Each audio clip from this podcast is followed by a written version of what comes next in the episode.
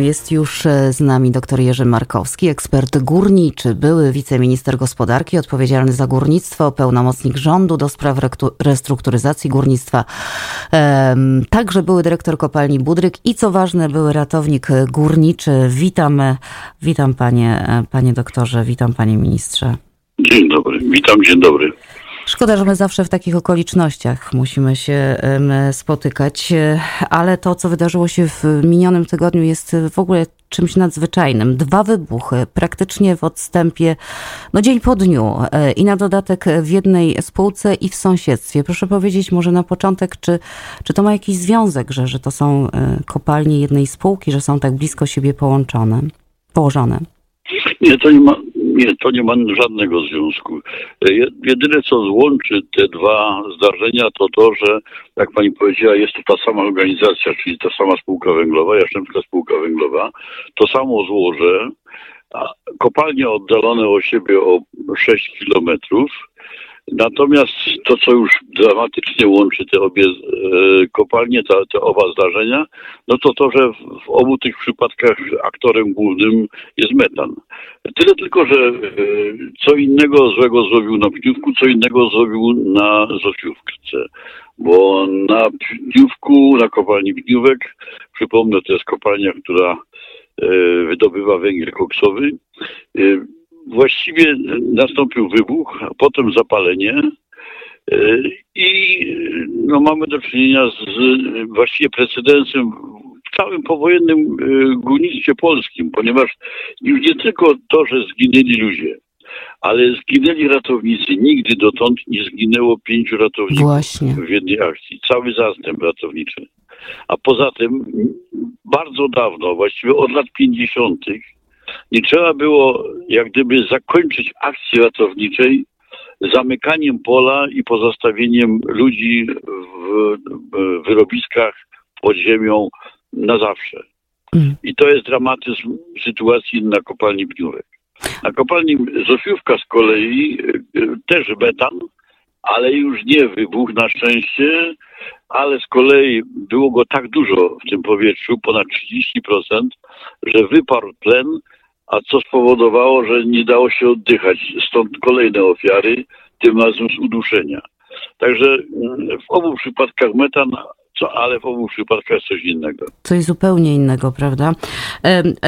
Dlaczego wspomniał Pan o, o, o, tym, że, że cały zastęp ratowników zginął? To rzeczywiście ja, ja muszę przyznać, że też o czymś takim nigdy nie słyszałam. Trochę tym, tym górnictwem się też zajmowałam e, dziennikarsko.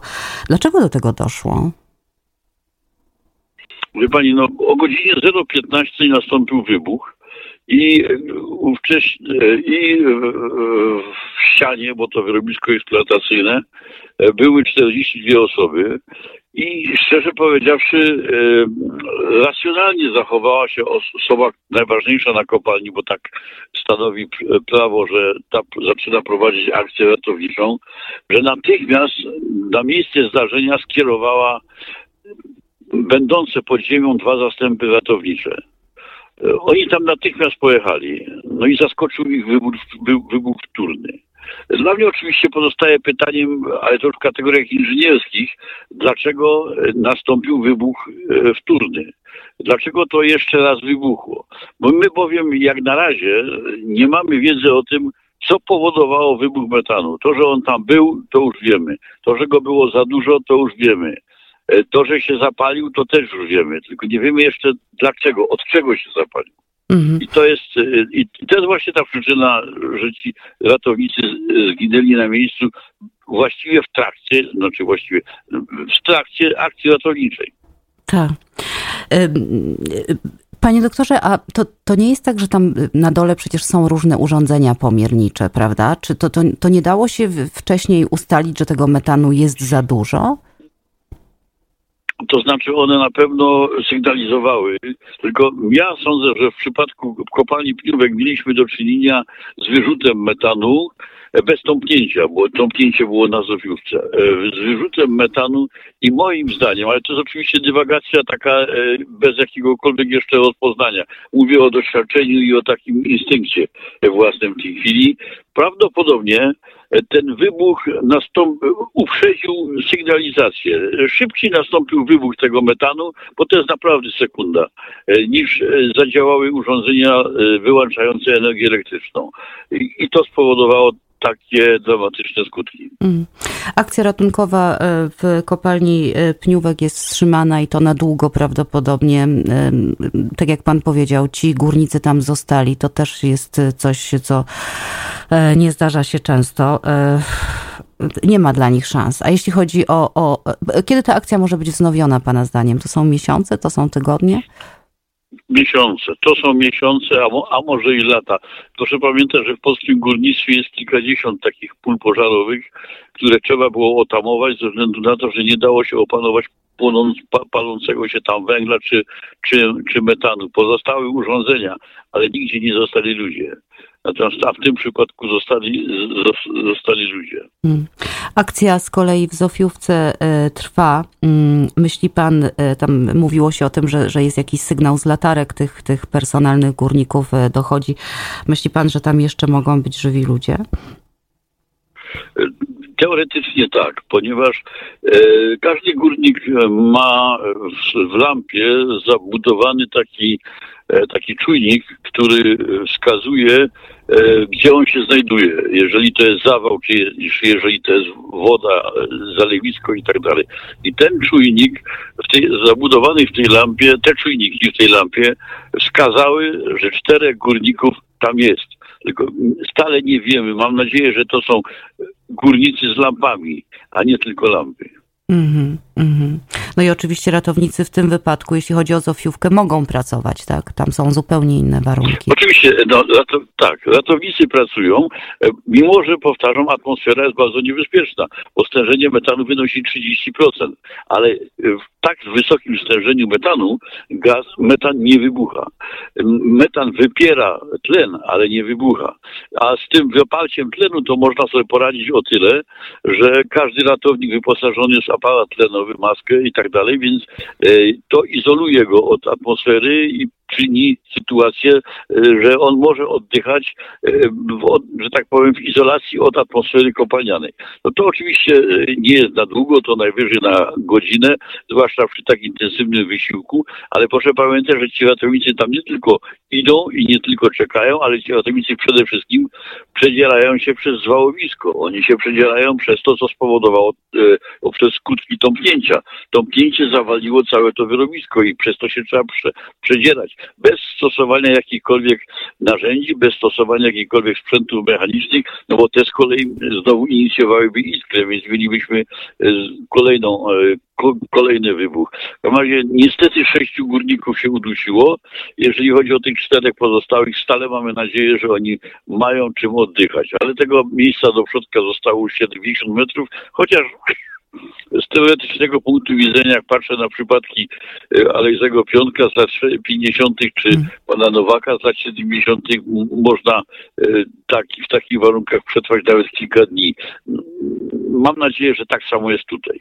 Ale to tylko nadzieja. Mhm. A jak, jak, to, jak to fizycznie i technicznie by wyglądało? Tam, tam utworzyłaby się jakaś, bo, bo, bo wspomniał pan sze, sześciu górników, wiemy, udusiło się, prawda? Tam powietrze zostało wyssane, tlen został wyssany. I, i teraz ta, ta czwórka, gdyby był, była tak, no, miała takie szczęście, to, to ona by się w jakiejś takiej bańce znalazła gdzieś tam w chodniku? Niekoniecznie. niekoniecznie. Nie, to, to, wie pani, różnica jeszcze jest taka między tymi dwoma zdarzeniami, że na kopalni Pniówek metan wybuchł w ścianie, czyli w wyrobisku z opływowym prądem powietrza.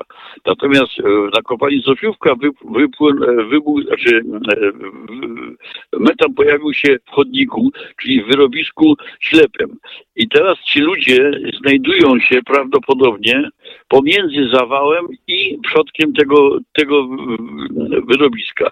I to jest przestrzeń około no, 80 metrów. 80 metrów e, wyrobiska, czyli tunelu o wymiarach 4 na e, 5 metrów, bo taka mniej więcej, taki mniej więcej jest przekrój normalny tego, tego wyrobiska, jeżeli oczywiście nie zostało zaciśnięte w całości, no to, to, to jest tyle powietrza, że można przeżyć. Mm -hmm.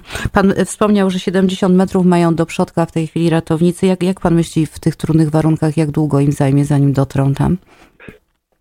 Ja powiem szczerze, jestem bardzo zdziwiony, że to tak szybko idzie, mimo wszystko, bo e, ten chodnik łącznie miał 900 metrów. Zawał się zaczął od 220, 220 metra i oni w ciągu jednego dnia przeszli ponad 100 metrów. I to rokuje, że powinni być dzisiaj e, już w środku, e, na koniec dnia. O, no to, to, to jest taka obiecująca informacja. E, panie doktorze, pan pracował 14 lat, o ile się nie mylę, około 14 lat jak, jako ratownik. Czy, czy pamięta pan tak, tak ciężkie e, wypadki, akcje jak, jak te w tej chwili? To znaczy, wie pani, powiem szczerze, pa, pamiętam, 14 lat byłem ratownikiem i w ogóle to prowadziłem ponad 60 akcji ratowniczych pod ziemią, również metanowych. Zresztą całe życie pracowałem w kopalniach metanowych. E, I powiem szczerze, to e, tak, że e, były akcje o dużo większej skali, że tak powiem, strat górników.